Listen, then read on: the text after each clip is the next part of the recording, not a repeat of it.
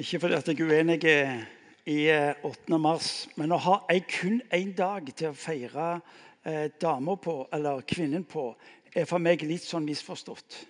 365 dager mener jeg at eh, kvinnen burde feire. Er dere ikke enige i det? Jo, det er riktig, det. Eh, apropos det der med, med favoritt. Eh, vi er i en serie som eh, tar oss inn i eh, fastetida med forberedelse til påske. Men jeg kan ikke la være å fortelle en historie. Noen av dere har hørt den før. Det, noen vil i hvert fall mene det er utidig at jeg nevner den nå igjen. Men jeg kan ikke la være når anledningen gis meg i en type favorisering av kvinner som det nå ble uttrykt noe om. Ehm, det hadde seg slik at For en del år siden så når, eh, når, eh, Dette er glimt fra familien Cave sitt liv da. Å ja, var det en som sa. For det der med, med, med, hvem er det Gud på et vis bryr seg om, har favør i forhold til osv. Det er litt sånn, litt sånn type situasjonsbetinga og, og, litt sånn historie. Eh, og For en tid tilbake, når han Therese var litt yngre Ikke så veldig mye yngre, men ja, ja, litt yngre. Hun var vel en fem-seks år.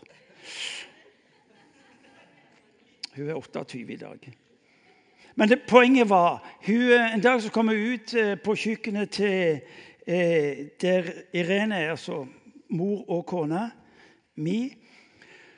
Så sa hun plutselig til mor blir du lei deg hvis jeg forteller hvem jeg er mest glad i, at jeg og pappa.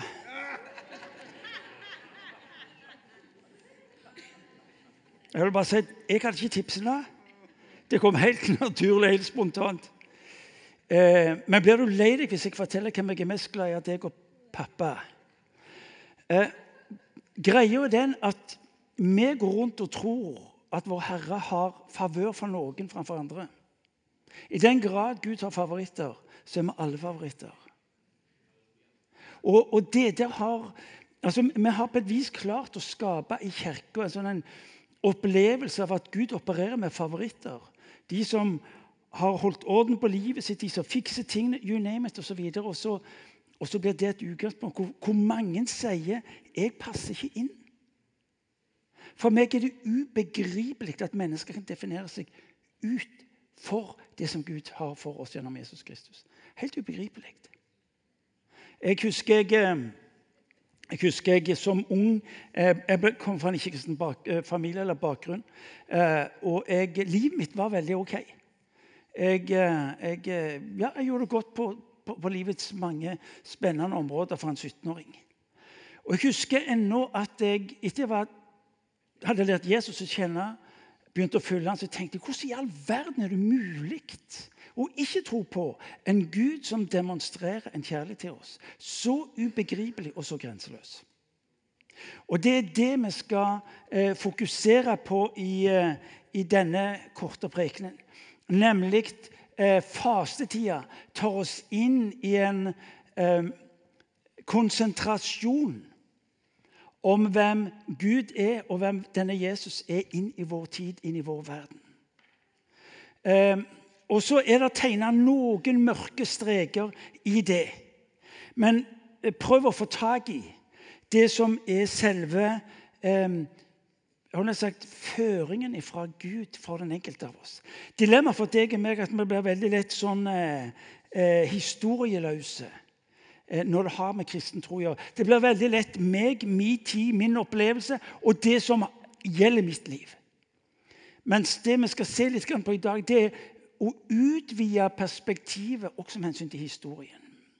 Jeg husker for, eh, for en god del år tilbake jeg eh, jeg var såkalt radikaler og reiste rundt på universitetene og hadde gleden av å møte mange spennende mennesker, spesielt på venstresida i norsk politikk, marxist-leninistene. De sto på den sida, jeg sto på den sida. Og vi hadde mange fenomenale konfrontasjoner. Og Jeg lærte å, å få en dyp respekt for disse menneskene fordi de brant for noe som skulle ha konsekvenser for andre igjen. Dørgende uenige. Men husker en gang jeg møtte ei av disse, ei dame. Og hun var altså så hissig at du, hun trengte ikke si noe. for du så... Det var sånn. Og så plutselig så sier hun ja, men hvorfor fjerner ikke Gud denne ondskapen i denne verden? Hvis han er allmektig, hvorfor fjerner han ikke ondskapen i denne verden da? Og så tenkte jeg ja, du er drapelig modig nå, tenkte jeg. Men det er greit. Så spurte jeg henne ja, hvis nå Gud skulle fjerne all ondskap i denne verden og La oss nå definere ondskap som det som ikke er riktig, på det som ikke er det gode, på det som sårer, på det som river ned. Hva med ordene våre? Hva med holdningene våre? Hva med tankene våre? Hva med gjerningene våre? Så bretter jeg alt dette ut. og Hvis vår Herre nå skulle gripe inn i denne verden, og så skulle han eh, ta livet av, fjerne alt det som bar dette i seg, hvor ville du være henne om ti sekunder? Og så så hun på meg og sa jeg ville vært død. OK, er det et utgangspunkt, sier jeg, for å diskutere videre, eller hva sier du? Mennesker roper på at en Gud skal handle rettferdig inn i denne verden. I det øyeblikket han skal være rettferdig inn i denne verden, så er det dramatiske konsekvenser. Nå skal du høre noe. Jeg har av og til spurt meg sjøl Gud, hvorfor i all verden starter du ikke bare på nytt?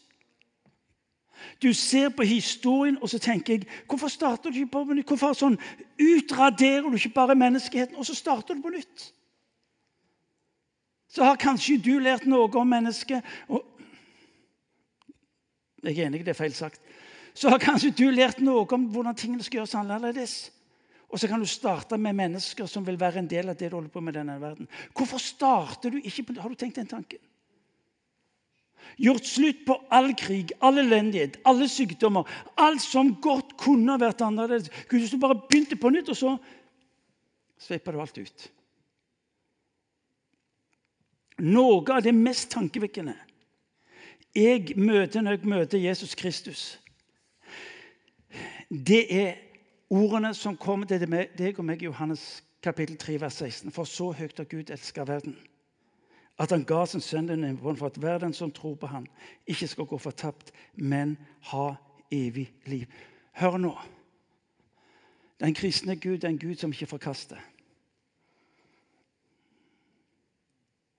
Men han begynner på nytt. Når du og jeg hører om Jesus Kristus, så hører du primært om en Gud som ikke forkaster, men han begynner på nytt der eh, mennesker i religiøse sammenhenger blir utdelt et skjema. Så gjør bare dette her, og du vil nå et eller annet nytt nivå. Og så kan du håpe på i en, en ny verden, i et nytt liv, kanskje nå et høyere nivå. Og hvis du ikke klarer det, så er det et trinn nær. Summen av Jesus inn i denne verden er en Gud som sier 'Jeg forkaster ikke'. Jeg forkaster ikke men jeg kommer nær. Jeg begynner på nytt. Når profeten er i tvil om et folk som har vendt Gud ryggen og forbanna at han er til, så sier Gud til profeten dra ned til pottemakeren. Og så vil du oppdage at når du kommer til pottemakeren og han holder på å dreie si krukke, så vil du oppdage at når det går i stykker, står det, som det gjør til tider, så begynner han på nytt. Hvorfor måtte Jesus dø? For å minne deg og meg på på den ene siden, men for å demonstrere at jeg forkaster ikke. Vi lever i en tid og vi lever i en kultur som er blitt spesialister på å forkaste folk. Hvis du ikke holder mål ut. Hvis du ikke kommer fra de rette familiene ut. Hvis du ikke har de rette karakterene ut. Vi produserer mennesker rundt oss som opplever de holder ikke mål, og så forkastes de. Hvorfor tror du at ensomhet er vår tids største folkesykdom? Fordi vi alltid arbeider motsatt av det som er kjærlighetens karakter, nemlig å ta til. Så blir ensomheten det vi skyver vekk og bort. Gud ga et løfte når mennesket valgte å vende Gud ryggen. Han ga mennesket et løfte at uansett hva som har skjedd, uansett hva som kommer til å skje, en dag Og så lyder profetien om slangens hode, som skal knuses ved at det skal fødes ved at det skal fødes et menneske som bærer frelsen med seg. Gud trekker seg ikke tilbake fordi om du ikke holder mål. Gud trekker seg ikke tilbake fordi om du vender han ryggen. Gud trekker seg ikke tilbake fordi om du gjør ting som du vet dette er ikke riktig å gjøre. Noe av det mest fascinerende jeg opplever som en kristen, det er nettopp som dere har hørt meg si mange ganger, romerbrevet, hvor det står at ingenting Martin, kan skille deg fra min kjærlighet. Ingenting. Det er ord som jeg ikke fatter dybden av, og jeg ikke fatter egentlig rekkevidden av. Men det er evangeliet til deg og til meg. Ingenting kan skille deg fra min kjærlighet. Du er ikke i stand til å gjøre noe som reduserer min kjærlighet. Du er ikke i stand til å gjøre noe som øker min kjærlighet. Min kjærlighet mot deg skal alltid vare ved.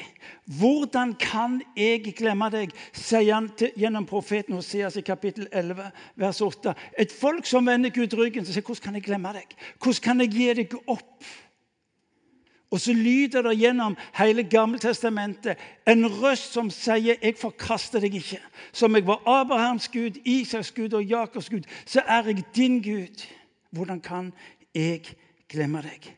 Og så hadde israelsfolket lært gjennom eh, sin tradisjon, hvor de fikk beskjed om en gang i året skulle ypperste presten så skulle de finne fram et såkalt lyteløst lam. Et lam som var eh, uten, uten eh, eh, eh Hjelp meg. Lyte. La oss si lyte. Som, som, var perfekt. Og Så skulle ypperste presten legge hendene på det, og så skulle han så bekjenne folkets synder og Så gjorde de dette hvert år. Så visste de at når så eh, lammet ble sendt ut i villmarken, så visste de at de hadde gjort soning for folkets synder. Men de visste òg at blodet fra bukk og fra sau ikke var lam var i stand til å til å sone. Men hvert år ble de minnet på at det var nødt til å skje en forsoning, et offer. Og Den dagen hvor Jesus bryter, og kommer inn i denne verden han møter Johannes, så lyder det fra Johannes når han ser Jesus, og sier han, se der. Guds land som bærer verdens synd. Johannes evangeliet, kapittel 1, vers 29. Når Gud handler inn i denne verden, så er det ikke noe som skjer for ca. 2000 år siden. Men det går helt tilbake når Gud skaper og handler inn i denne tida. Hvem er han som dør? Vi skal eh, sammen lese litt. Vi begynte sist gang i eh, begynnelsen av eh, lidelsesberetningen om Jesus. I dag skal vi fortsette. Vi skal ikke lese alle versene slik som de står i Matteus evangeliet, kapittel 26, eh, og fra vers 47 og utover. Men jeg skal løfte fram to setninger som jeg igjen og igjen merker tar meg når jeg stopper opp for innholdet.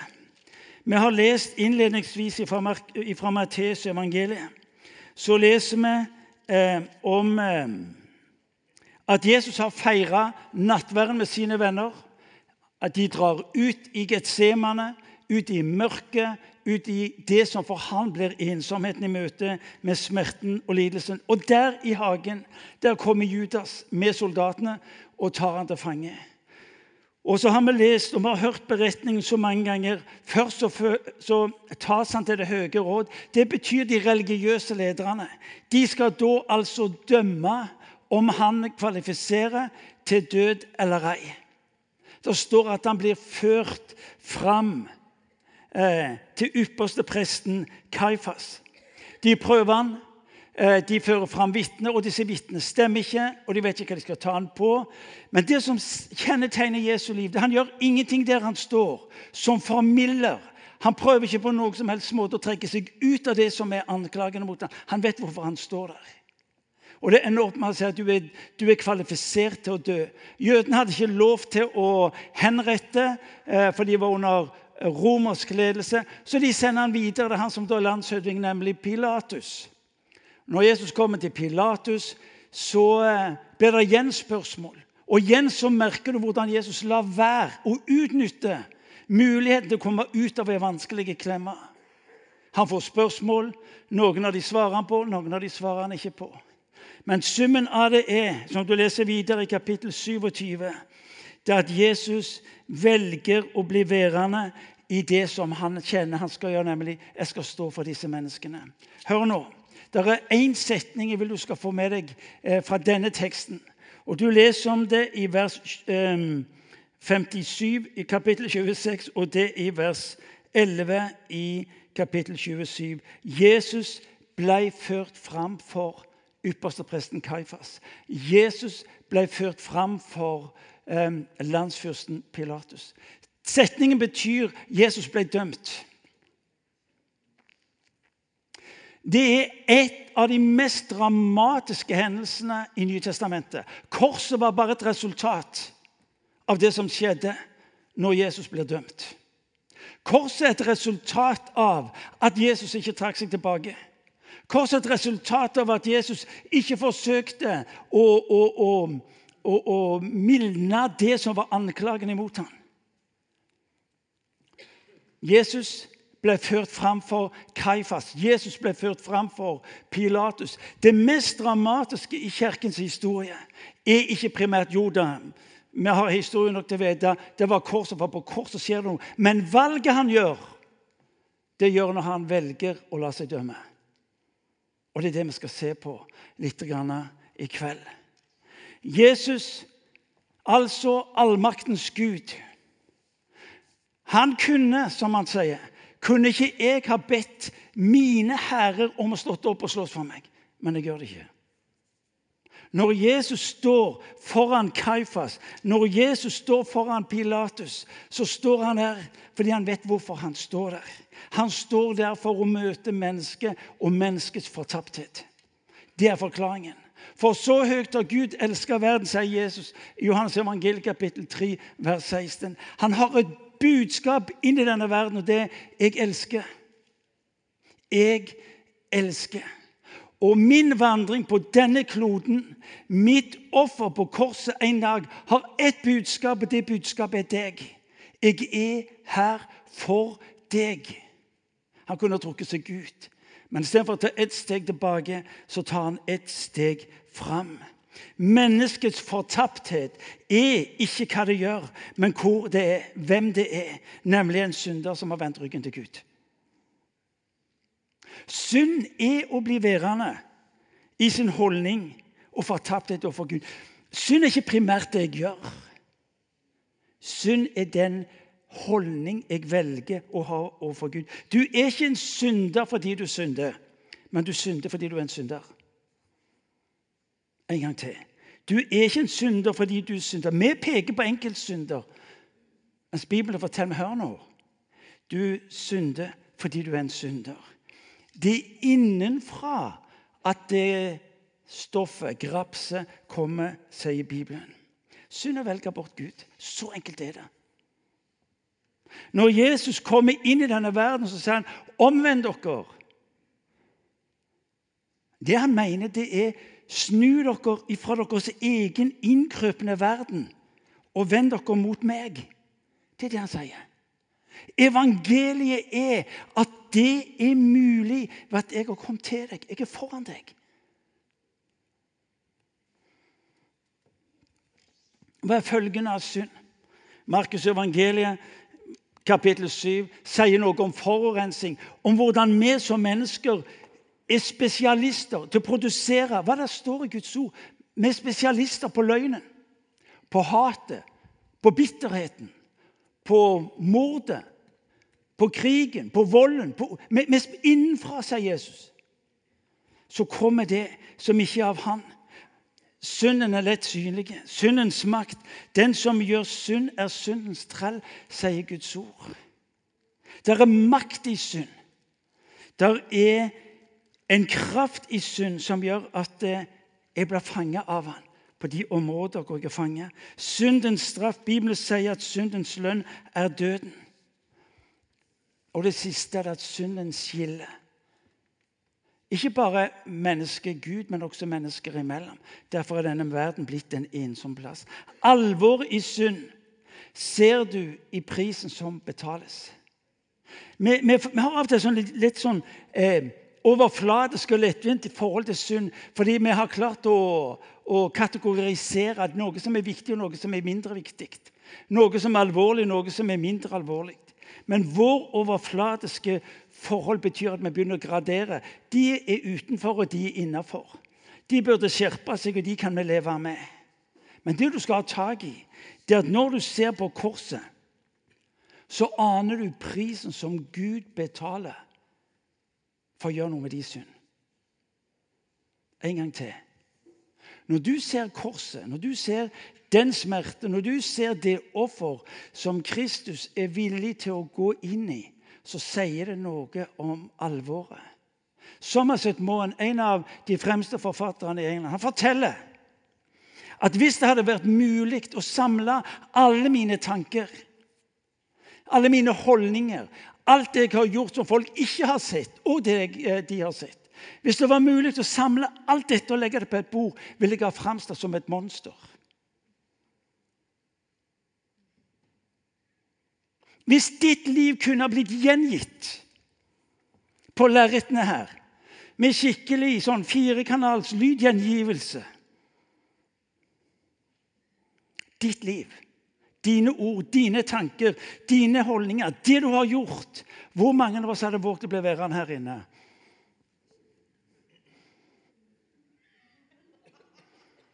No way. No way. Å jo da, vi er flinke til å kle oss slik at vi virker akseptable. Men Bibelen sier for alle har synda og mangler Guds rettferdighet. Han ble ført fram for, står Kaifas, allmaktens Gud. Allmaktens Gud for retten skal dømmes. Hør nå. Når Bibelen omtaler Jesus som sønnen som dør, så skal du vite det er allmaktens Gud som dør. Luther snakker om Gud mot Gud i rettssalen og på korset. Det er Gud som dør. Det er Gud som dør i ditt sted. Det er Gud som velger, ikke fordi han var tvungen av det, men fordi han valgte, eh, bundet i en kjærlighet. Hva er det du møter i denne rettssalen? For Det er nemlig en rettssal som skjer der han står for en Kaifas, der han står for en Pilatus. 700 år før Jesu tid leser vi fra Jesajas kapittel 53. Og Det er noen føringer der som, som er så sterke. Det fortelles om denne Jesus, og så står det han skjøt opp som en spire for hans ansikt, som et rotskudd av tørr jord. Han hadde ingen herlig skikkelse vi kunne se på, ikke et utseende vi kunne glede oss over. Han var foraktet, forlatt av mennesker, en mann av smerte, kjent med sykdom, en de skjuler ansiktet for. Han var foraktet. Vi regnet ham ikke for noe. Nå skal du høre. Den Kristus som står for domstolen, han har et ansikt, og det er ditt ansikt. Det er mitt ansikt. Den Kristus som blir dømt, eh, han har ditt utseende.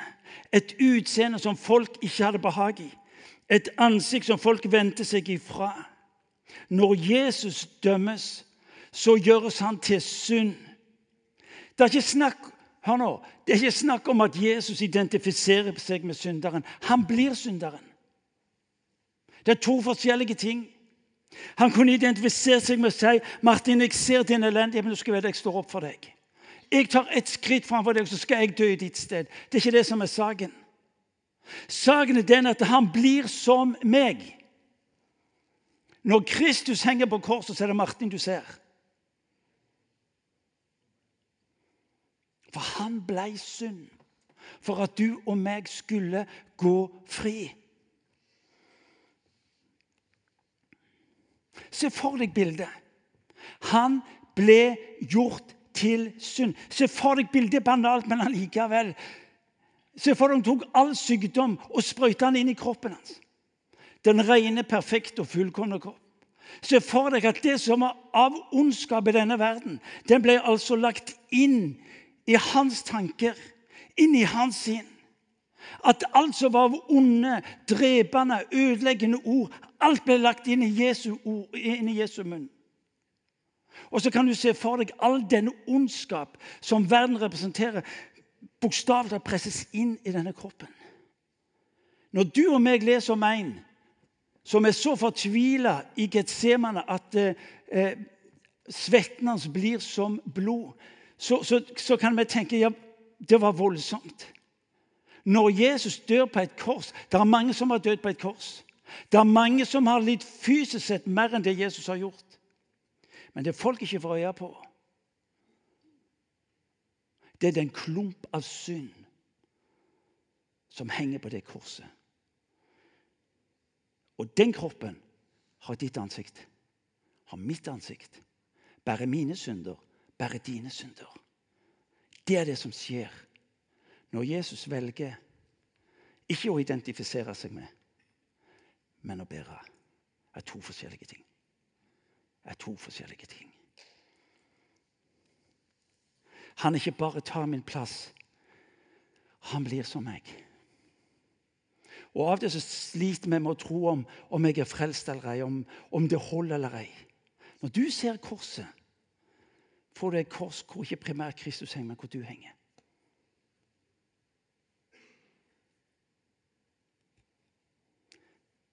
Korsfestet med Kristus, begravet med Kristus, oppreist med Kristus. er det vi bekjenner. Han dør ikke for meg, jeg dør med han. I dette ligger det så mye hvile. For vi har alltid klart å skille disse tingene. Han ble gjort til Martin. Han ble gjort til Finn. Han ble gjort til Irene. Han ble gjort til Nils Einar. For at vi ved han skulle bli rettferdige. Jeg lever ikke lenger sjøl, sier Paulus. Jeg lever ikke lenger sjøl. Det var pinsevennen. Han som ikke visste av synd, sier Bibelen, har han gjort til synd for oss for at vi i ham skulle få rettferdighet. Dommeren tar den dømtes sted, den dømtes plass.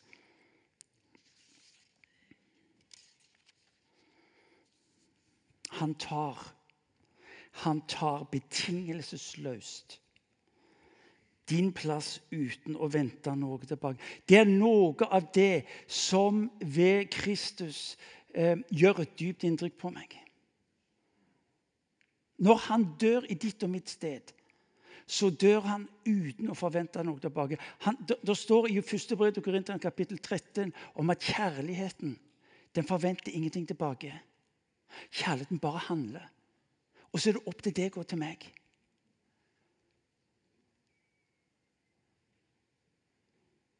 At han tør. At han tør.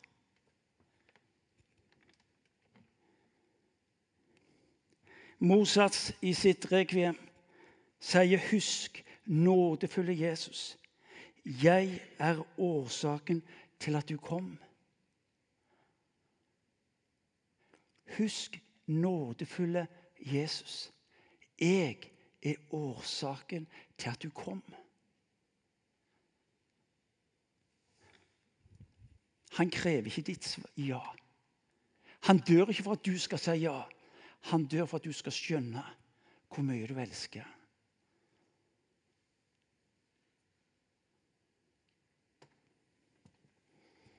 Du ser så alvorlig ut, var det jeg som sa etter første forrige gudstjeneste. For meg er disse mind-blowing igjen. Og så skjer det vanvittige. Og det sier noe om menneskets forventhet når det gjelder å tenke og handle. Når, når Pilatus skjønner vet du hva, dette er jo galskap Han oppdager misunnelsen fra over, overprestene og, og, de skriftlærde. Så han kom med et forslag. Men hør nå, dere, dere kan få et alternativ. Eh, Barabas. Morderen, opprøreren. Han som har vært med på å føre til at mennesker er blitt drept dere kan få lov til å velge, for det er jo tradisjon på påsken. Dere kan velge enten Barabas eller Jesus. Og han tror de vil velge Jesus. Men vi lever i en verden hvis forventhet er vi velger andre alternativer enn Jesus. Bare Jesus. Gi meg Jesus, sang vi innledningsvis. Hvorfor er det slik?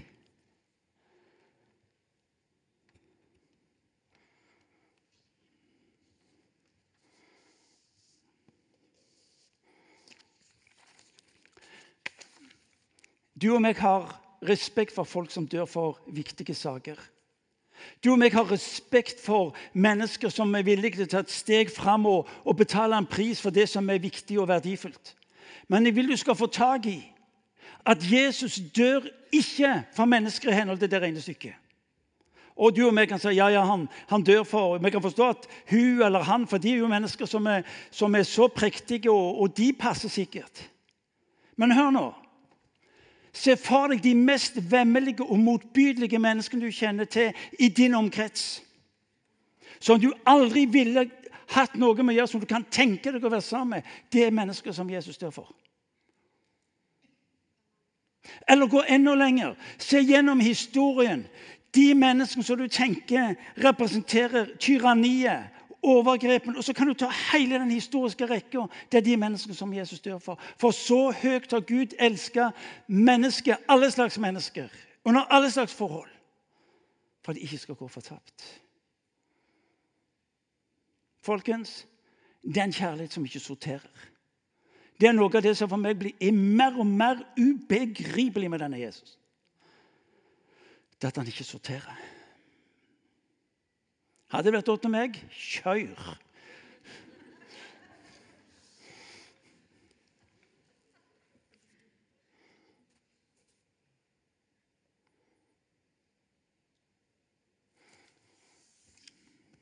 Jeg skal begynne å slutte. Forskjellen på kristne og ikke-kristne, vet du hva det er? Det er om de tar imot Jesus eller ei.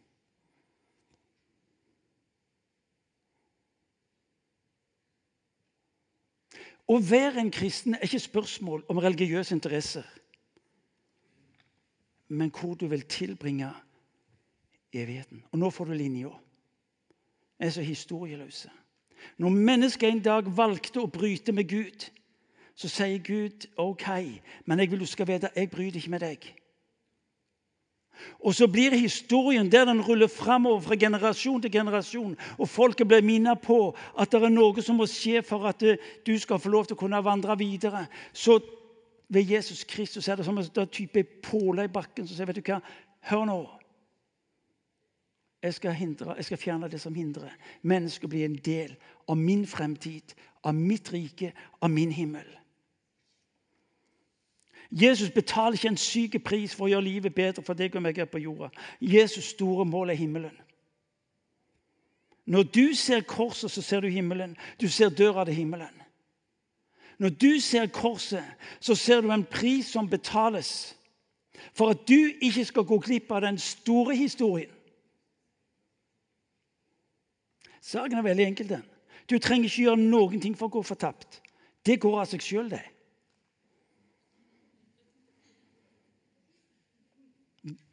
Vi snakker om en Gud som dømmer. Gud dømmer ikke. Guds dom over mennesker at mennesker får lov til å høste det de selv velger å så.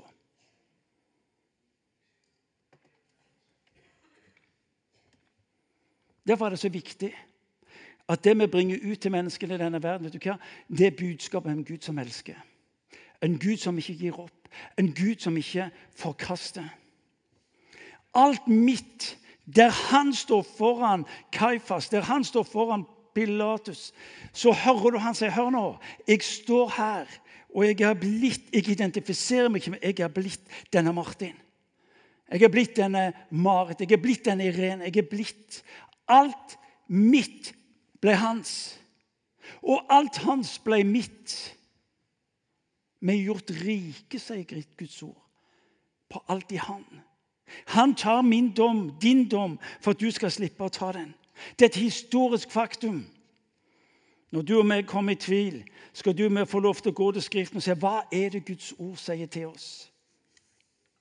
Historien forteller om ei dame sør på Jæren som stadig vekk ble anfekta og kom i tvil om det, om, om det holdt, det som Jesus gjorde. Og Så forteller historien at hun, hun gikk så trøtt av djevelen som stadig minnet henne på at hun ikke holdt mål, at hun var ikke god nok og, og alle disse tingene. Og Så forteller, hun at, forteller historien at hun tok med seg eh, en, en påle, så var det ut på jorda, og så slo denne pålen nedi. Og så leste hun høyt fra Johannes 3, 16, for så høyt har Gud elska meg, at han ga. Det var hennes bekjennelse. Og hver gang djevelen kom og sådde tvil om hun var en kristen eller ei, så bokstavelig talt tok hun med seg djevelen ut på jord og sa her, ser hun. Her ser du pålen. Og hør, hørte du hva jeg sa sist gang? Det samme gjelder i dag. Det er et historisk faktum. Hvorfor måtte Jesus dø? For at du ikke skulle gå glipp av hans liv. Hvorfor måtte Jesus dø? Jo, fordi at du var tenkt å ha en lengre og større fremtid enn bare det denne jorda representerer. La oss reise oss, og så vil jeg at vi sammen skal med, med ærbødighet og med respekt lytte til noe som lyder over eh, denne verden, fra Johannes' ombaring, kapittel 5.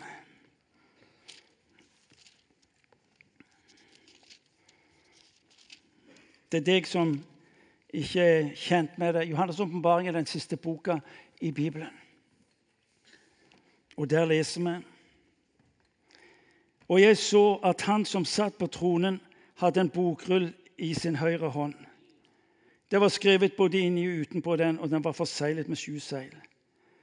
Da så jeg en mektig engel som ropte med høy røst, hvem er verdig til å åpne boken og bryte seilene? Men verken i himmelen eller på jorden eller under jorden var det noen som kunne åpne boken eller se den. Da gråt jeg sårt fordi ingen var funnet verdig til å åpne boken eller se den. Men en, men en av de eldste sa til meg, gråt ikke, for løven av Judas stamme, Davids rotskudd, har seiret og kan åpne boken og de sju seilene. Og jeg så et lam som sto midt på tronen mellom de fire skapningene og i kretsen av de eldste, og det så ut som lammet var slaktet. Det hadde sju horn og sju øyne, og øynene er Guds sju ånder som er sendt utover hele jorden. Lammet kom og tok imot bokrullen fra den høyre hånden til han som satt på tronen. Da de tok boken, falt de fire skapningene og de 24 eldste ned for lammet. Hver av dem hadde en harpe og gullskåler fulle av røkelse der de helliges bønner. De sang en ny sang. Verdig er du til å ta imot boken og bryte seilene på den, for du ble slaktet. Og med ditt blod har du frikjøpt for Gud mennesker av alle stammer og tungemål, av alle folk og nasjoner. Du har gjort dem til et kongerike og til prester for vår Gud, og de skal herske som konger på jorden. Og jeg så, og jeg hørte lyden av mange engler omkring tronen, og de fire skapningene og de eldste. Det var myriader på myriader og tusener på tusener. De ropte med høy røst, 'Verdig er lammet'. Lammet som ble slaktet, verdig til å få all makt og rikdom og visdom og styrke, ære og pris og takk. Og hver skapning i himmelen og på jorden og under jorden og på havet. Ja, alt som finnes i dem, hørte jeg si, Han som sitter på tronen, ham og lammet, være takk og ære, pris og makt i all evighet. De fire skapningene svarte amen, og de eldste kastet seg ned og tilba. La oss be. Kjære Herre Jesus Kristus. Vi takker deg fordi at du valgte døden for at vi skulle motta livet.